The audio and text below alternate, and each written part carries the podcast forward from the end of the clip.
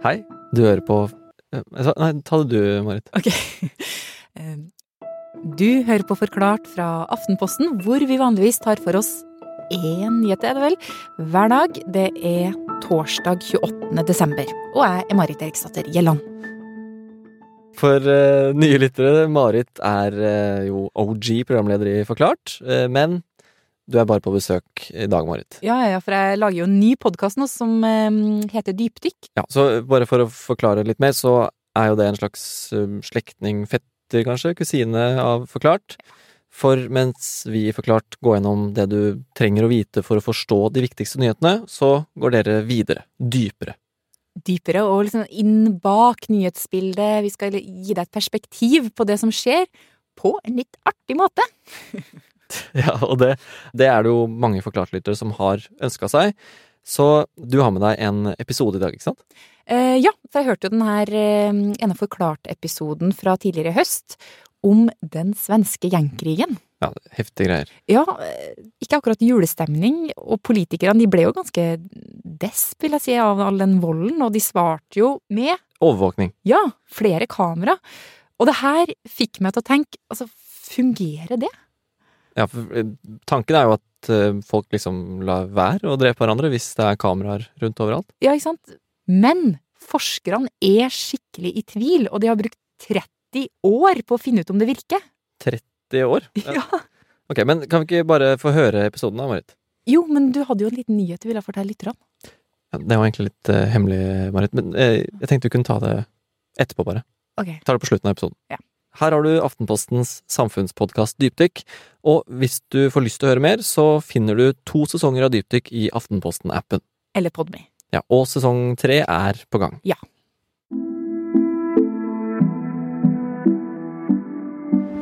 Um, jo, jeg lager en podkast fra Aftenposten. Og så har jeg lest at uh, den skolen her har fått seg en overvåkning. Jeg kikka litt opp i taket der. Oh my god! Det visste jeg ikke. Jeg visste ikke det. Jaha, hvorfor? Hvorfor er det det? Jeg kan fortelle. For for en stund siden var kameraene på denne skolen kun på om kvelden. Men etter at en gutt ble knivstukket i storefri, har det vært på om dagen òg. Når dere vet det nå, da tenker dere at dere vil oppføre dere noe annerledes? Nei. Nei. Nei. Men jeg tror det er mange som kommer til å oppføre seg annerledes, da. Noen andre, ja. sikkert. Ja. Ikke jeg, da. Nei, ikke jeg. Hva tror du de kommer til å gjøre annerledes? Kanskje gå litt unna når de gjør ting. For eksempel selger. Som selger noe, for eksempel. Hvis jeg er under. Og selger hva da? Narkotika også. Tror dere at det virker da? Ja. Og vi lurer på det her, altså produsenten min og meg. Fordi det kan virke som at når dramatiske, uforutsette, skumle ting skjer,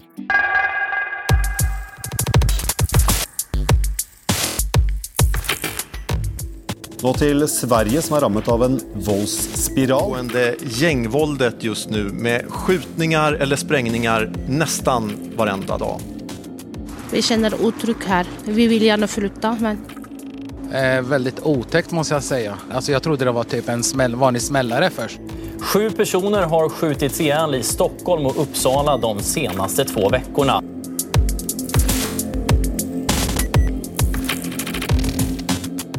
ja, når sånt som det her skjer, så En mann har skjutits i Bagarmossen i södra skrur vi kameraene opp og på.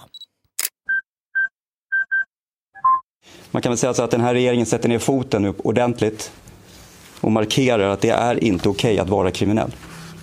Polisen har ju efterfrågat fler kameror.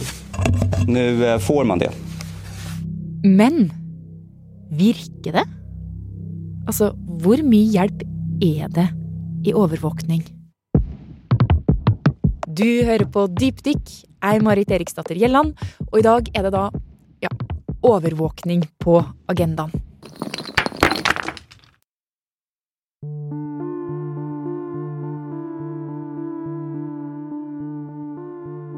Ja, hvor mye hjelp er det i et kamera eller tusen?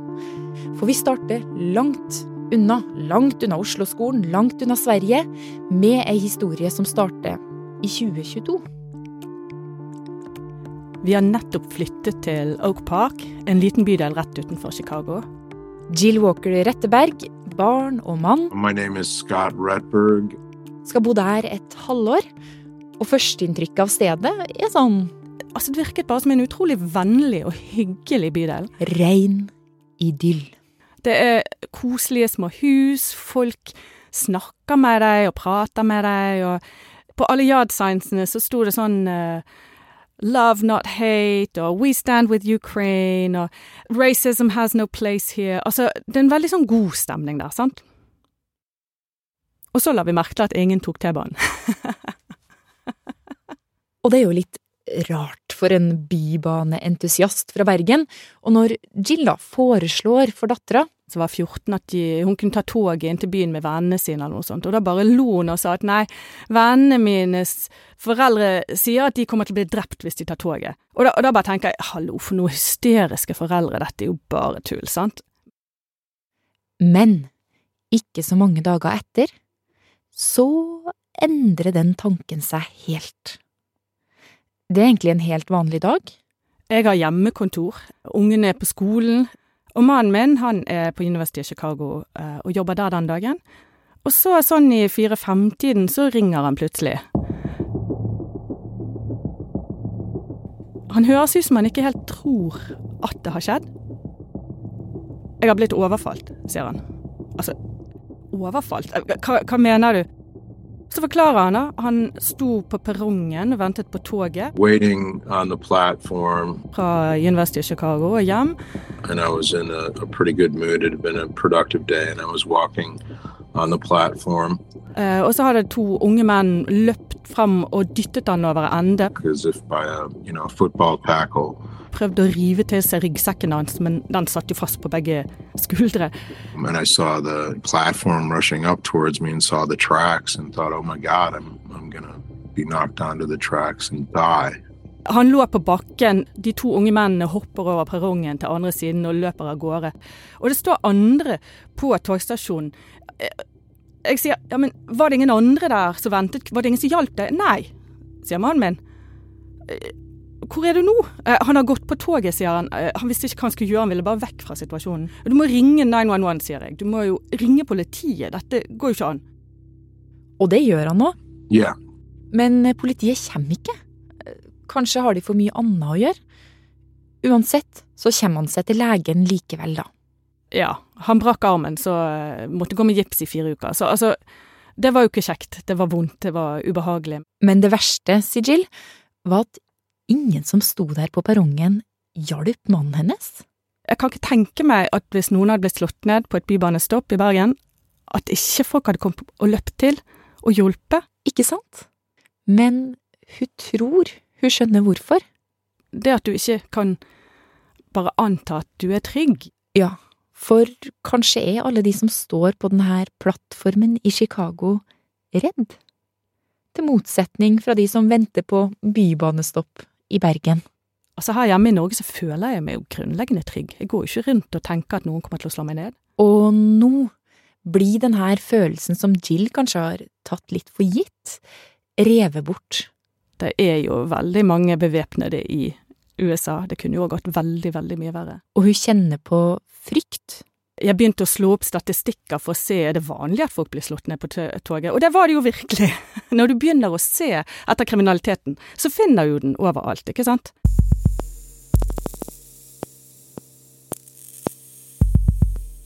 Altså Man tenker jo gjerne at eh, amerikanere ikke kjører steder fordi de er litt late, kanskje, eller har litt dårlig offentlig transport, men der og da skjønte jeg at kanskje de ikke kjører fordi de er redde. Og når hun innser det her, så endrer også Jill litt eh, oppførsel. Vi sluttet jo å ta toget, for det ble rett og slett så skummelt. Og nå er det jo lett å tenke at Chicago er Chicago, USA er USA. Men du trenger egentlig bare å krysse én landegrense for å finne noen paralleller. Nej, men vi har ju ett läge då barn skjuter barn med automatvapen och oskyldiga mammor mördas. Vold som skremmer befolkninga, og vold som skaper et stort behov for å gjøre noe raskt.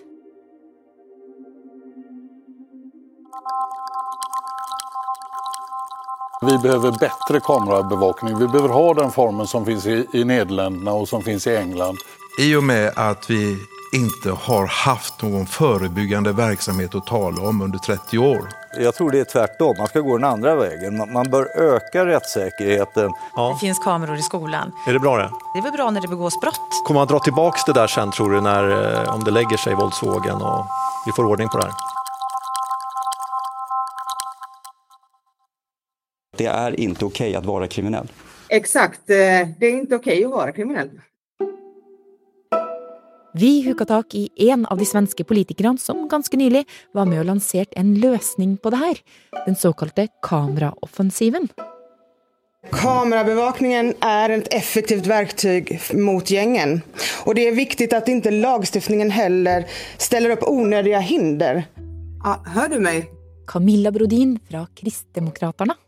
Den där eh, brottsvågen som Sverige är inne just nu i, den är, inte, den är inte här för att stanna och då gäller det att vi politiker måste se till att den blir så kortvarig som möjligt. Eh, För, för det här är inte det Sverige som varken jag eller de, ja, alla medborgare i Sverige ändå vill ha.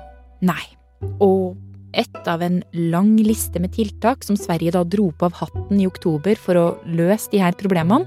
Polisen har ju efterfrågat kameraer. kameror. Nu eh, får man det. Hva? 900 nye kamera. Overvåkning. Hvordan kommer vi åt det hele, og hvordan kommer vi å kunne jobbe forebyggende? Og da er kamerabevakning en av de delene også. Det blir altså en løsning i Sverige, akkurat på samme måte som det blir en løsning i Chicago. Jeg leste i lokalavisen Tilbake i Oak Park. Det er dagen etter overfallet, og Jill setter seg ned med avisa, og der ser hun at bydelen hennes vurderer å kjøpe inn overvåkningsutstyr. Og dette ble presentert som noe som kunne hjelpe bydelen å redusere kriminalitet. Og bare så det er sagt, avisoppslaget skyldes ikke da overfallet på T-banen, men noe skyting mellom to biler i nabolaget. Og noen av skuddene hadde faktisk eh, truffet husvegger. Og da var det en slags sånn nabolagsaksjon der, da, hvor det var mange som, i akkurat den gaten som jobbet veldig intenst for å få disse overvåkningskameraene. Og mange av de her hadde allerede kamera på dørklokka si fra før, men nå ville de da ha nye kamera som kunne kjenne igjen nummerskilt, biltype, farge på bilen, om den hadde takboks. Og så kan man søke opp i dette og, og liksom følge enkeltbiler. Faktisk ikke helt ulikt den teknologien svenske myndigheter nå vil ta i bruk hvis de bare får endra lovverket, da. Og som i Sverige tar debatten i det her søte, lille, idylliske nabolaget i Chicago av. Facebook-gruppa folk flokker til bystyremøtene på Zoom, sender inn kommentarer for og mot. Det tok over en time å lese opp alle kommentarene om denne saken, for det var så delte meninger. Jeg skal ikke bruke av tida di til å lese dem opp, men folk deler seg basically sånn på midten. De skeptiske. Det var mange som påpekte at eh, denne typen teknologi ikke er god til å gjenkjenne svarte, for eksempel. Men så var det jo også den andre sida, de mer positive. Som sa at eh, i- på vei til skolen i dag, var det en som sa, så, så ble barnet mitt overkjørt av en bil som bare kjørte videre. Hvis vi hadde hatt denne teknologien, så kunne politiet funnet den bilen og spurt de ned og holdt de til ansvar. Og det her er jo den store for- og imot-diskusjonen. Men målet for forsida er altså Hjelpe bydelen å redusere kriminalitet. Og ta skurken. Og det er egentlig ganske interessant, for det er ca. akkurat det samme overvåkningsforkjemperne i Sverige sier. Det mest konkrete er jo at man skal kunne eh, hitta, ha flere verktyg for å liksom også kunne sette dit eh, mennesker som begår kriminelle handlinger. De skal ta de kriminelle og forebygge ny kriminalitet. Både det brottsforebyggende, men framfor alt at man klarer opp brotten i mye høyere utsträckning. Og akkurat det siste der, om en overvåkningsvideo kan bidra til å oppklare saken Mannen min anmeldte jo dette til politiet. Det har vi jo et svar på.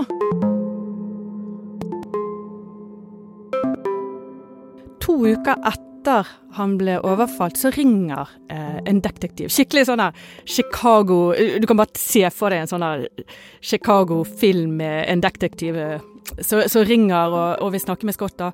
Og han sier nå har de sett gjennom overvåkningsopptakene fra, fra perrongen da han ble overfalt. Ser det for meg. Uansett, det han forteller, da, er at det de kan se på de her overvåkningsvideoene, er at etter at Scott ble angrepet, så har de samme mennene angrepet tre andre mennesker. Og til slutt, da, etter ukevis med venting, får Scott en ny telefon. Før vi skulle reise hjem til Norge, så ringer denne detektiven tilbake igjen og sier vi har funnet han som gjorde det. Det var en 17-åring. Så mot slutten av oppholdet vårt så, eh, så møtte mannen min opp i retten og møtte faktisk denne personen. Og mannen min sier jo at dette her funker jo, for de klarte jo å identifisere personen som gjorde det. Og det var bra. These people were actively for entertainment attacking people at random. I think that certain uh, public spaces actually should be surveilled. I was about uh, two inches from uh, falling onto the tracks where I would have probably died, you know. Og det hele ender med en dom. Og det er jo det her da som må friste svenskene, men ikke bare. Det er også det her med at kamera kanskje kan forhindre ny kriminalitet. Camilla i Sverige sier jo det.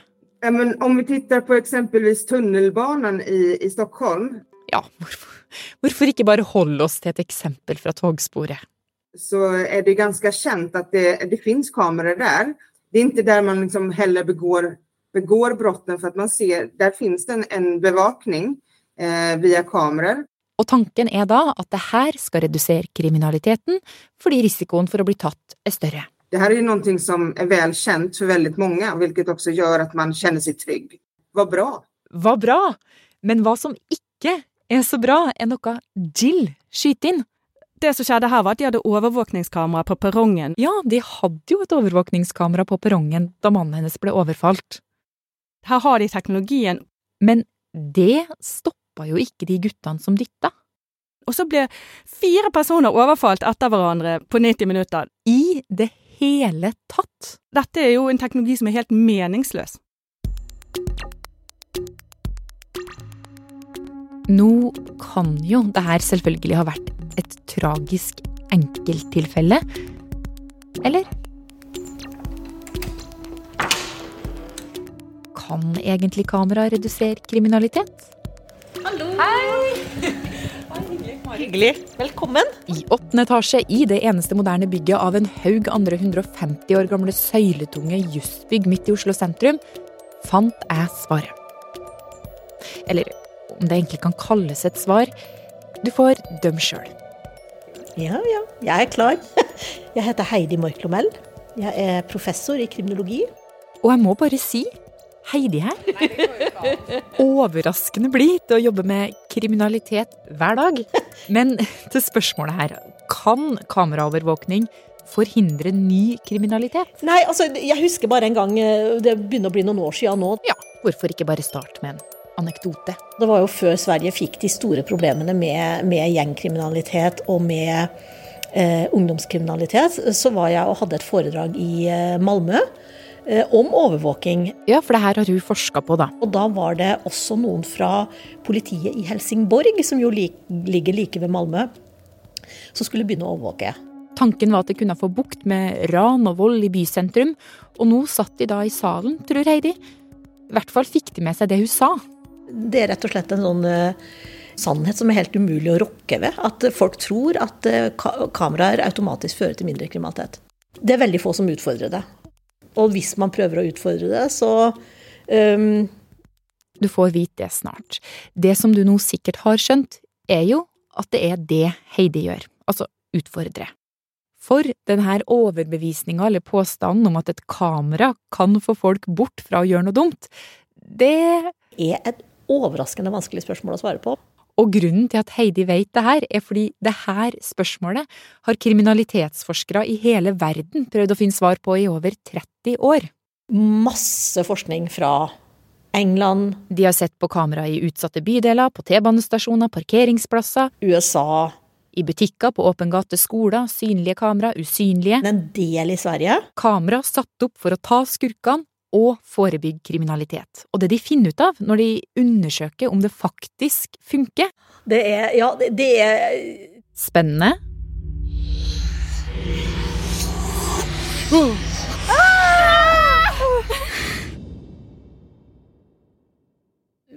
Det er ingen klar effekt. Altså, det er ingen sånn Ja, dette er et veldig effektivt middel. Dette kommer garantert til å føre til mindre kriminalitet. Nei, det eneste som er klart etter over 30 år med forskning på det her, er at forskerne i det store og det hele kommer til helt ulike svar.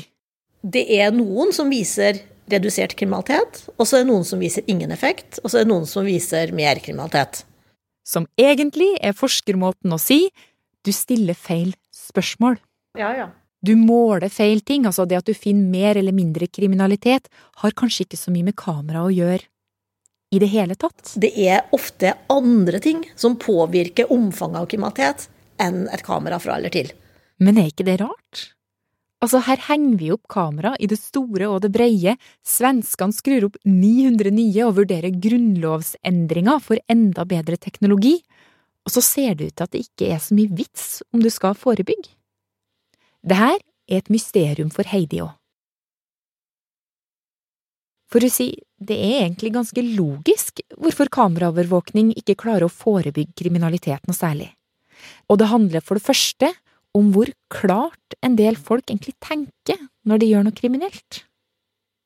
Altså, mye av den alvorlige kriminaliteten er jo sånn såkalt affektkriminalitet. Altså det betyr at folk er veldig opprørte, og ofte veldig fulle eller rusa. Når de banker noen, knivstikk, raner, drep. Ja, og da, sier Heidi, da er du egentlig ikke i stand til å tenke om du er i noe kamerasone eller ikke. Da hjelper det jo ikke engang om det står politifolk én meter unna. Folk begynner jo å slåss allikevel. Men all kriminalitet er jo ikke sånn.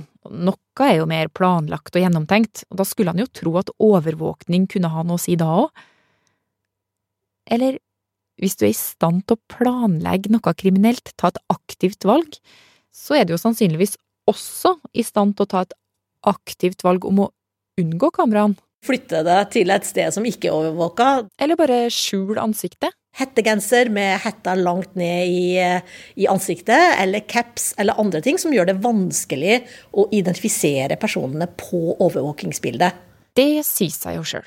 Men fun fact, på 90-tallet skal de visstnok ha sett seg så lei av det her i England at på enkelte steder så innførte de hoodie-band. Hettegenserforbud, ja. Fordi man ville, ha, man ville ha at man skulle kunne se folk. Mm, tror ikke det ble en stor og varig suksess.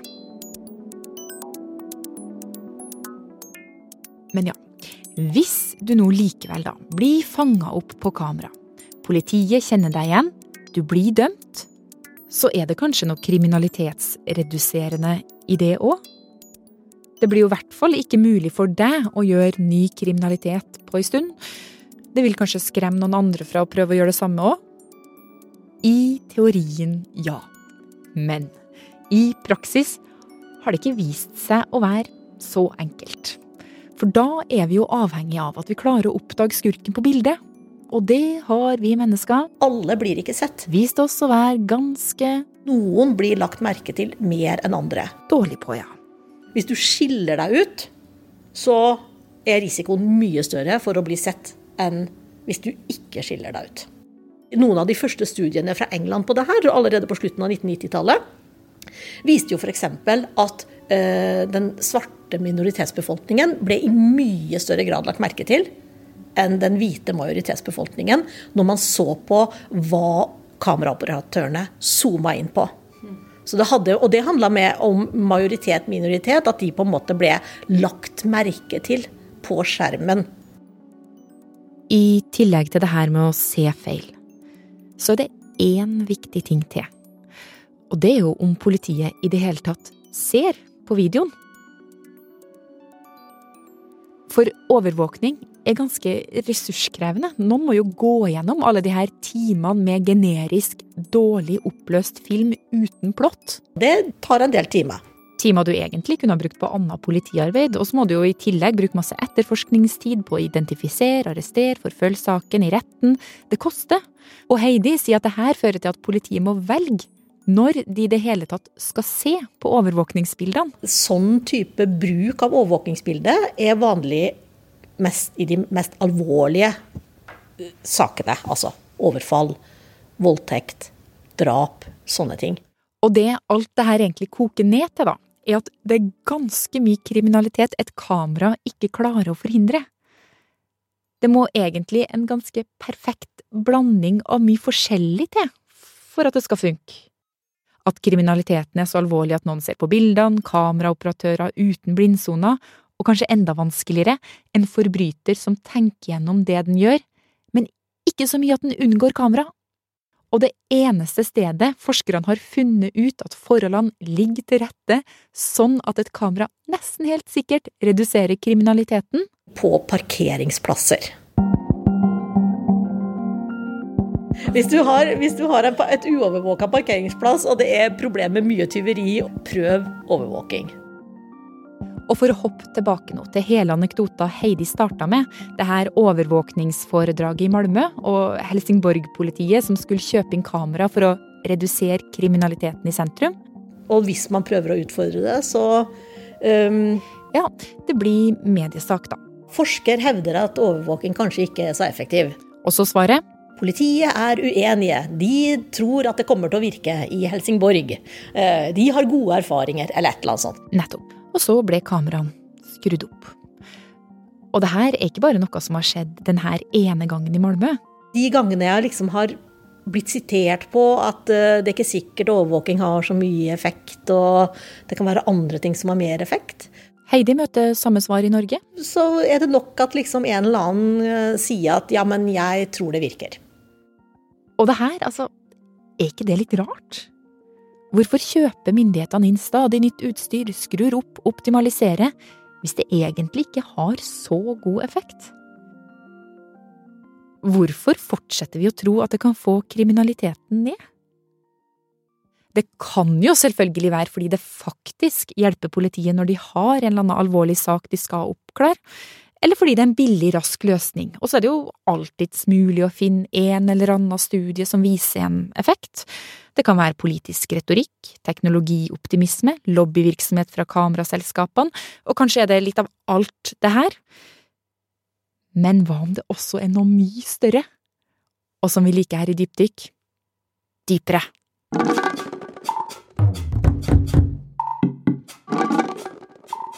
Grunnen til at jeg var i Chicago, var jo for å forske på Vi er tilbake i Chicago, og Jill igjen.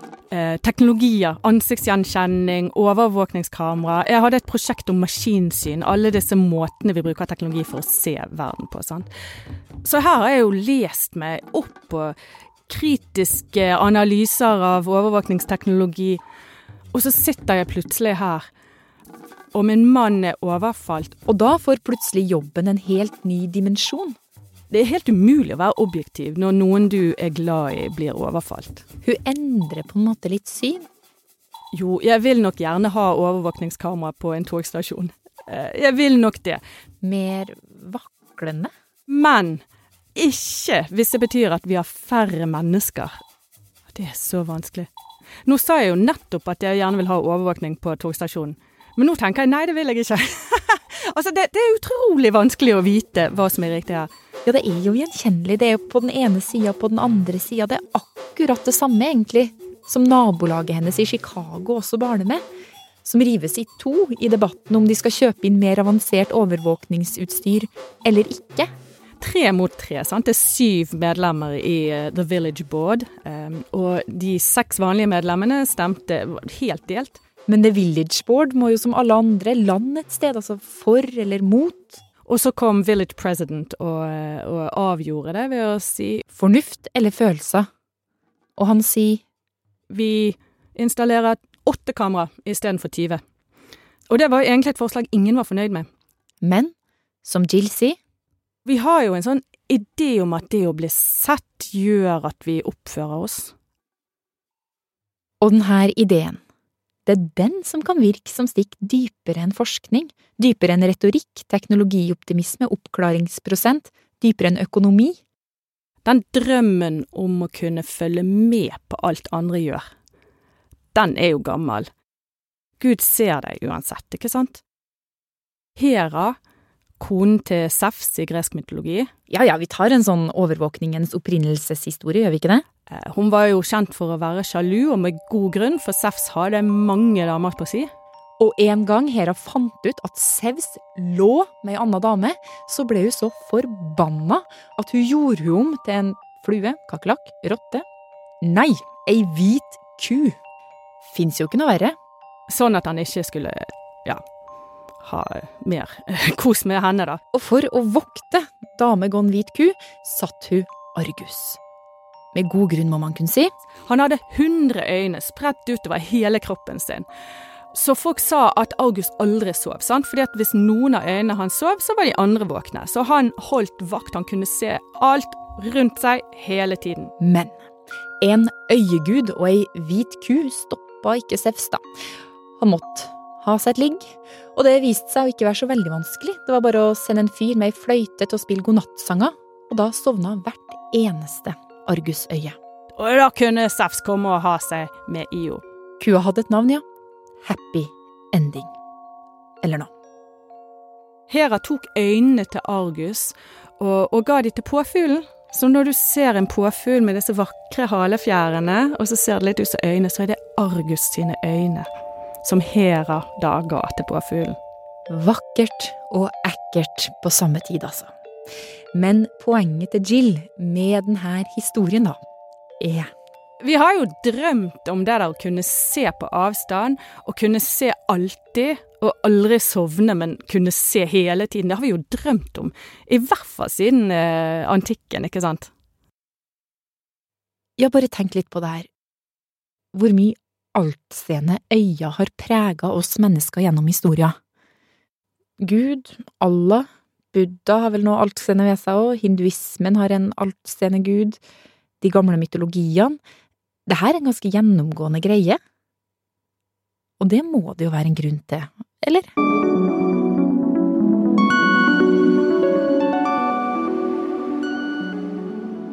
Jeg syns jo det gir mening. Vi er i en slags sykehusleilighet på Modum Bad i Vikersund, og du skjønner snart hvorfor. Jeg sitter, Grete. Trevegger i en kald fargetone.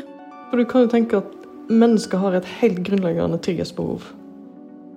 På sykehuset her behandles folk med angst, depresjon, traumer og spiseforstyrrelser. Og det trygghetsbehovet det kan du jo styrke gjennom overvåkning. Jeg heter Kari Alstensen, jeg er psykolog. Eh, en psykologspesialist har jeg faktisk blitt nå. Så Kari behandler altså en del av de her menneskene.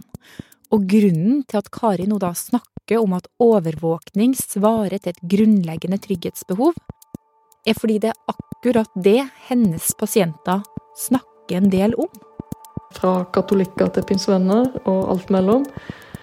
Og så er det noen artister. Og så er det òg noen nyreligiøse. Ja, og som du sikkert nå begynner å få en anelse om, de her pasientene de er ikke hos Kari å snakke om den moderne overvåkninga med linse og skjerm.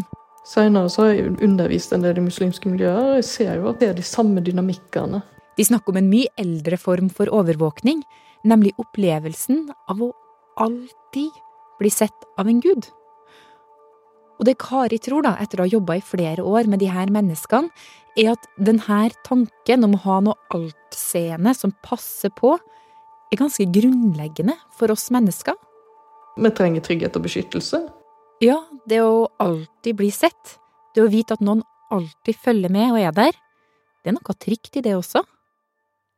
Kari husker tilbake til ei som gikk i terapi.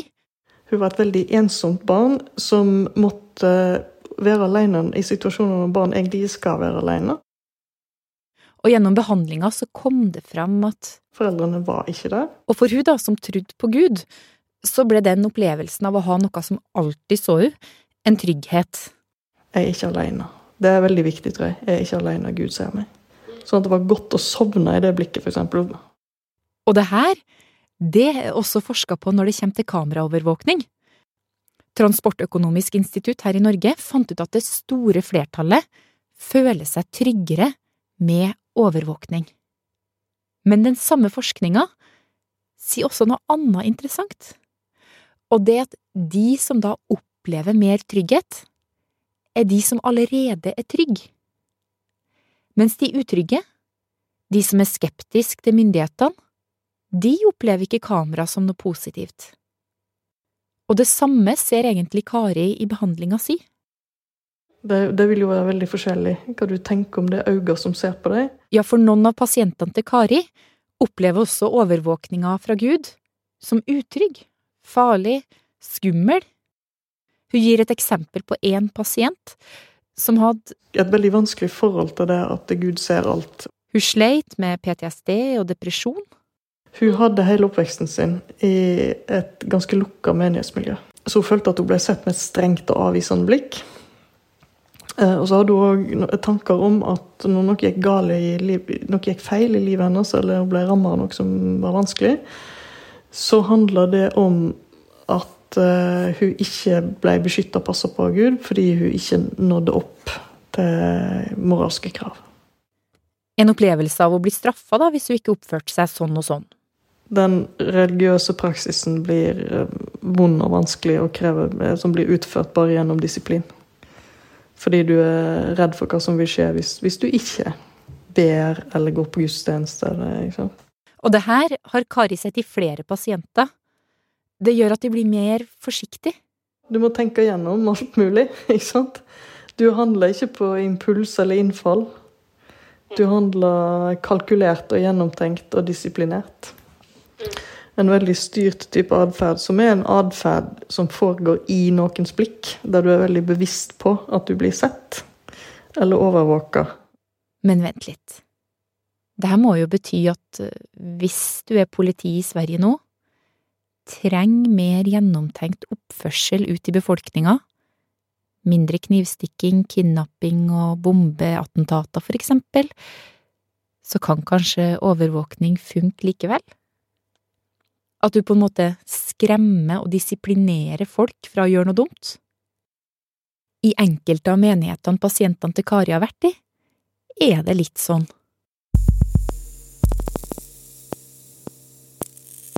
Det er jo noe der med at hvis du aldri kan stikke deg vekk? Altså, du, du blir avslørt uansett. Da blir jo trusler veldig effektive. Du kan ikke komme unna.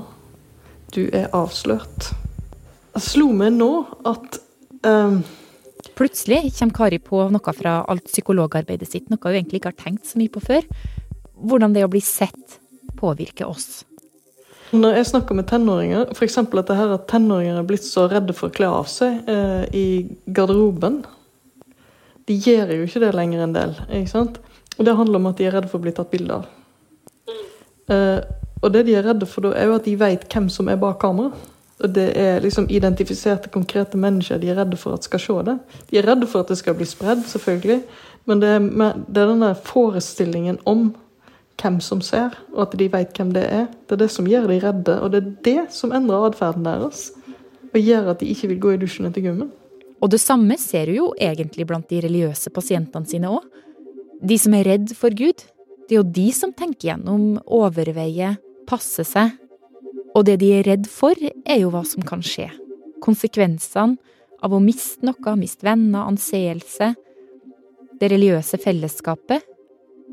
Men når det er et overvåkningskamera som ser deg, så er jo personen bak helt bort. Og om noen ser, så bryr du deg kanskje ikke i det hele tatt.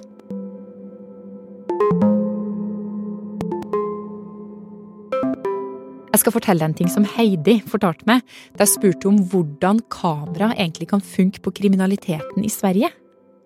Og da forteller hun om det her med den frykten for å miste noe. Ja. Om forskning. Sjokk. I kriminologien så har man jo vært veldig opptatt av hvorfor begår folk kriminalitet. Ja, både med og uten kamera så er det jo alltid en risiko for å bli oppdaga, straffa, til og med kanskje miste jobben vil miste anseelse, alt det her. ikke sant? Og det er fordi at jeg har så mange bånd til samfunnet. Eh, Jeg har jobb, jeg har familie, fritidsinteresse. Altså det er mye som gjør, som holder oss I skinnet, ja. Og gjør at vi oppfører oss. Og den forskninga konkluderer jo med at de som er aller vanskeligst å kontrollere i et samfunn, det er de som ikke har noe å miste. Og de eh, er de som er aller lavest på rangstigen, og for så vidt også de som er aller høyest. Fordi de har så mye makt at de på en måte kan De har også lite å miste, for de klarer vi ikke på en måte å kontrollere. Nei, de snor seg unna uansett. Og de som er lavest på rangstigen Som ikke har bånd til samfunnet, ikke har noe å miste, ikke har en skoleplass å miste, ikke har en jobb å miste, ikke har noen fritidsinteresser å miste, og har veldig få bånd til det lovlydige samfunnet, de er rett og slett veldig vanskelig å kontrollere. Og for å ta det her tilbake til Sverige, da. Så er jo kriminaliteten der brutal gjengkriminalitet, der ungdommer får en belønning fra de kriminelle hvis de skader eller dreper. Så de har jo noe å vinne. Og så har de kanskje ikke så mye mer de kan tape. Jeg kjenner ikke bakgrunnen deres i detalj, men altså, jeg vil anta at de har veldig lite annet å miste. Altså, De er på en måte ganske frikobla fra samfunnet. Altså storsamfunnet, da. Skolen, fotballaget, arbeidslivet. Og da er det jo selvfølgelig eh, veldig vanskelig å nå inn til dem ved hjelp av en type straffetrussel eller annet. Som for eksempel 900 nye overvåkningskamera. Og så er det bare det at det er et stort men med hele greia. All denne forskninga på overvåkning er jo i ferd med å bli gammel. Kanskje til og med utdatert. For vi er jo helt i starten av en ny teknologisk revolusjon. Og hvem veit hva slags overvåkningskamera som følger med oss bare om noen år? Tenk om det er sånn at vi kan få et overvåkningssystem som faktisk kan forhindre ny kriminalitet?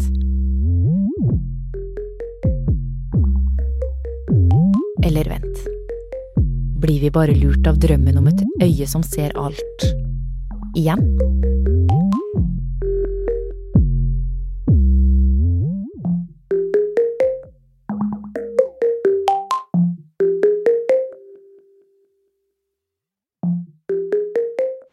Ser du de oppe i taket der? Ja, nå ser jeg det.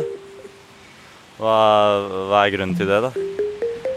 Ja Det at en person sitter og ser på kamera at jeg og dama mi kliner, liksom, det er, det er litt utafor komfortsonen min, da.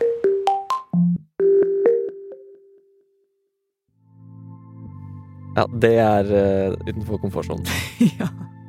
Takk for besøket, Marit. Og hvis du som lytter fikk lyst til å høre mer dypdykk, så kan du gå til Aftenposten-appen, eller Podmy altså. Podmy kan du forresten prøve gratis i to uker. Ja, og du forresten, bare for å unngå sånn presseetiske lovbrudd her, det hadde jo satt seg ut i denne episoden. Så må jeg jo si klippene eh, du hørte, og det var svenske Justisdepartementet, VG, SVT, NRK, Aftonbladet. Ryddig. Ja.